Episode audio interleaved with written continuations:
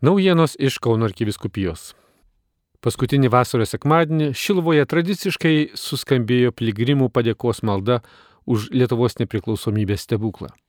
Brangus broliai ir seserys susirinkome į Šilvą dėkoti už laisvę piligriminio žygio maldą, prisimindami ir mūsų didvyrius, kurie padovanojo šią dovaną savo ištikimybę viešpačiui ir kantrybę laukiant tos didelės Dievo malonės, laisvės, ištikusios per mergelės Marijos užtarimą sakė Kauno arkivyskupas metropolitas Kestutis Kievalas, kai piligrimai po beveik trijų valandų padėkos žygio atskubėjo į baziliką švesti padėkos Euharistijos.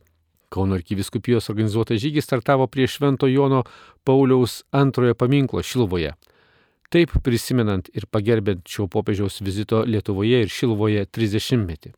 Čia arkivyskupas Kestutis Kievalas pasveikino Kauno krašto piligrimus, savanorius, taip pat iš vakaro tarptautinį sustikimą Šilvoje užbaigusius Dievo motinos komandų judėjimo sutoktinius iš Lietuvos ir Latvijos. Vėliau piligrimų eisena keliavo 7 km kelią Šilvos apylinkėse. Einant koplytstulpiais paženklinta Jėzaus kančios kelią per Šilvo šilą, maldai buvo panaudotos šį kartą kryžiaus kelio meditacijos, kurios ką tik nuskambėjo pasaulio jaunimo dienose Lisabonoje. Šios maldos tekstus lietuviškai parengė kunigas Artūras Kazlauskas. Na, o Šiaulių krašto piligrimai kaip įprasta keliavo nuo Tytuvinų, vedami Šiaulių vyskupo Eugenijaus Bartulio. Abiejų žygių piligrimams susitikus Šilovos bazilikoje, vidurdienį čia prasidėjo iškilminga Euharistijos liturgija, o jos metu homilyje sakęs vyskupas Eugenijus Bartulis pabrėžė, jog trokšdami tėviniai tikrosios laisvės, kad jį išsilaisvintų iš įvairių žmonės varginančių priklausomybių, turime sugrįžti prie Kristaus ir priklausyti tik tai jam.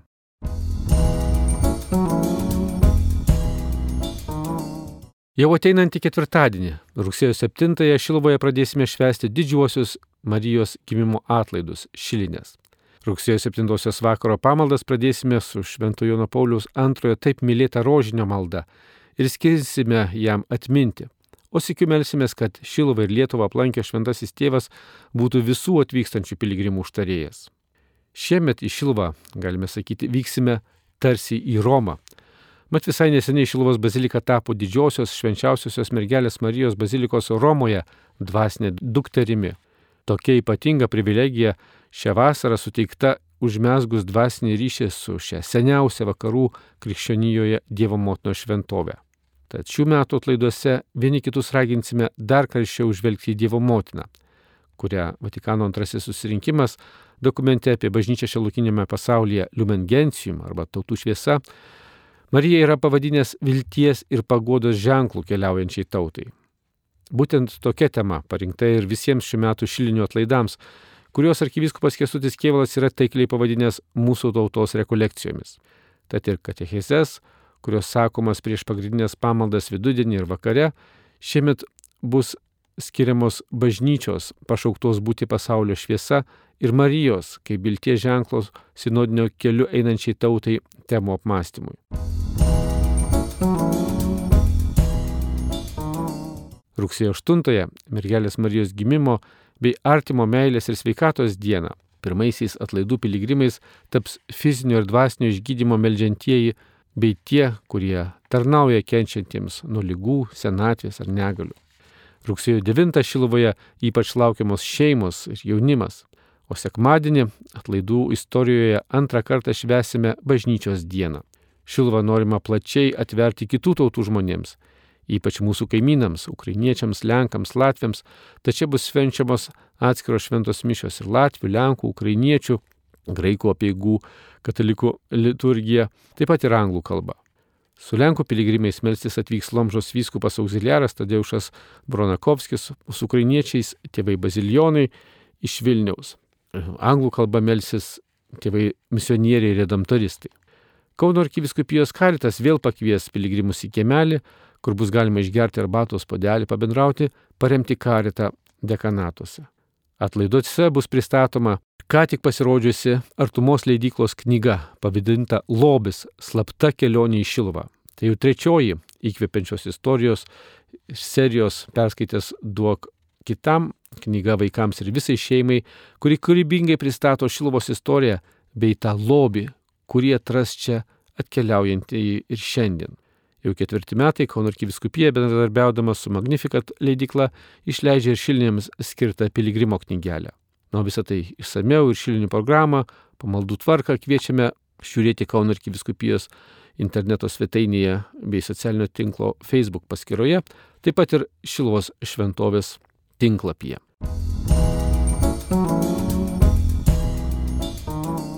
Rūpiučio 29-ąją Kauno arkiviskupo Kestučio Kievalo kvietimu miesto ugdymo įstaigų vadovai rinkosi arkiviskupijos kurijoje į bendrystę prie pietų stalo bei diskusiją bendradarbiavimo galimybės įgyvendintant atnaujintas ugdymo programas. Rengiantis naujai mokslo metų pradžiai, tai buvo proga susipažinti su Kauno arkiviskupijos kūrijos pastato architektūra, istorija, dabartinė struktūra, pietauti istorinėje salėje, kur lankėsi net du popiežiai - Šventasis Jonas Paulius II kurio vizito 30-metį švenčiame, ir popiežius Pranciškus. Šis susitikimas kartu buvo ir unikali galimybė susėdus prie bendro stalo svarstyti aktualius klausimus, pradedant dėstyti atnaujintą mokymosi turinį.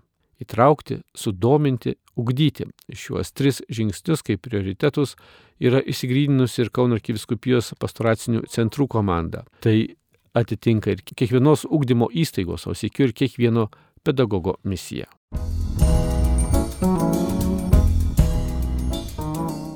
Rūpjūčio 28-ąją daugiau kaip 80 Kauno arkiviskupijos tikybos mokytojų bei katechetų bendrystės džiaugsme kartu su ganytojais pradėjo naujosius mokslo metus.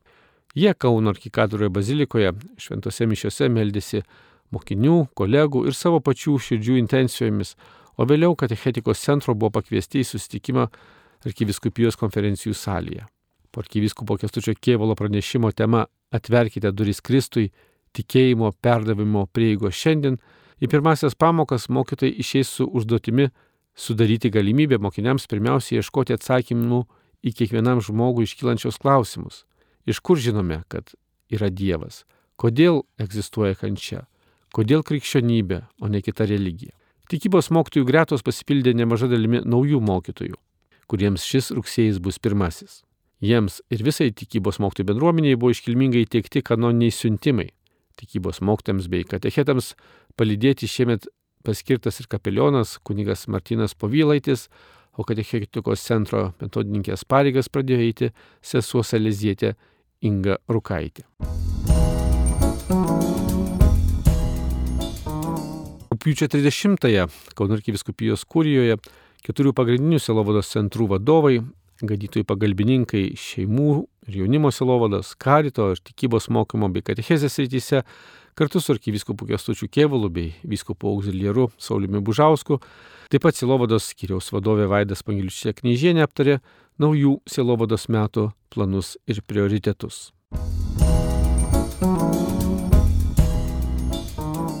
Šiandien, kai Lietuvoje švenčiame žinių ir mokslo dieną, o su visa visuotinė bažnyčia ir pasaulinė maldos bei rūpinimosi kūrinyje diena, 12 val. iškilmingos šventosios mišios Kauno arkikadroje bazilikoje. Liturgijai vadovaus Kauno arkiviskupas metropolitas Kesutis Kievalas ir arkivyskupo kvietimu arkikadroje malda naujosius metus pradeda ir moksleiviai, studentai, dėstytojai ir visa Kauno akademinė bendruomenė.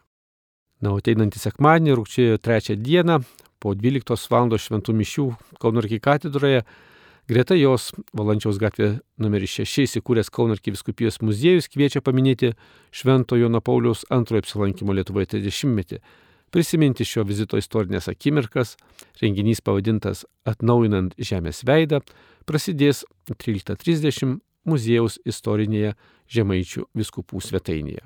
Šios ir kitos naujienos išsameu iš Kauno perskaitė diakonas Darius Kmeliauskas, o jas galime atrasti ir arkiviskupijos interneto svetainėje.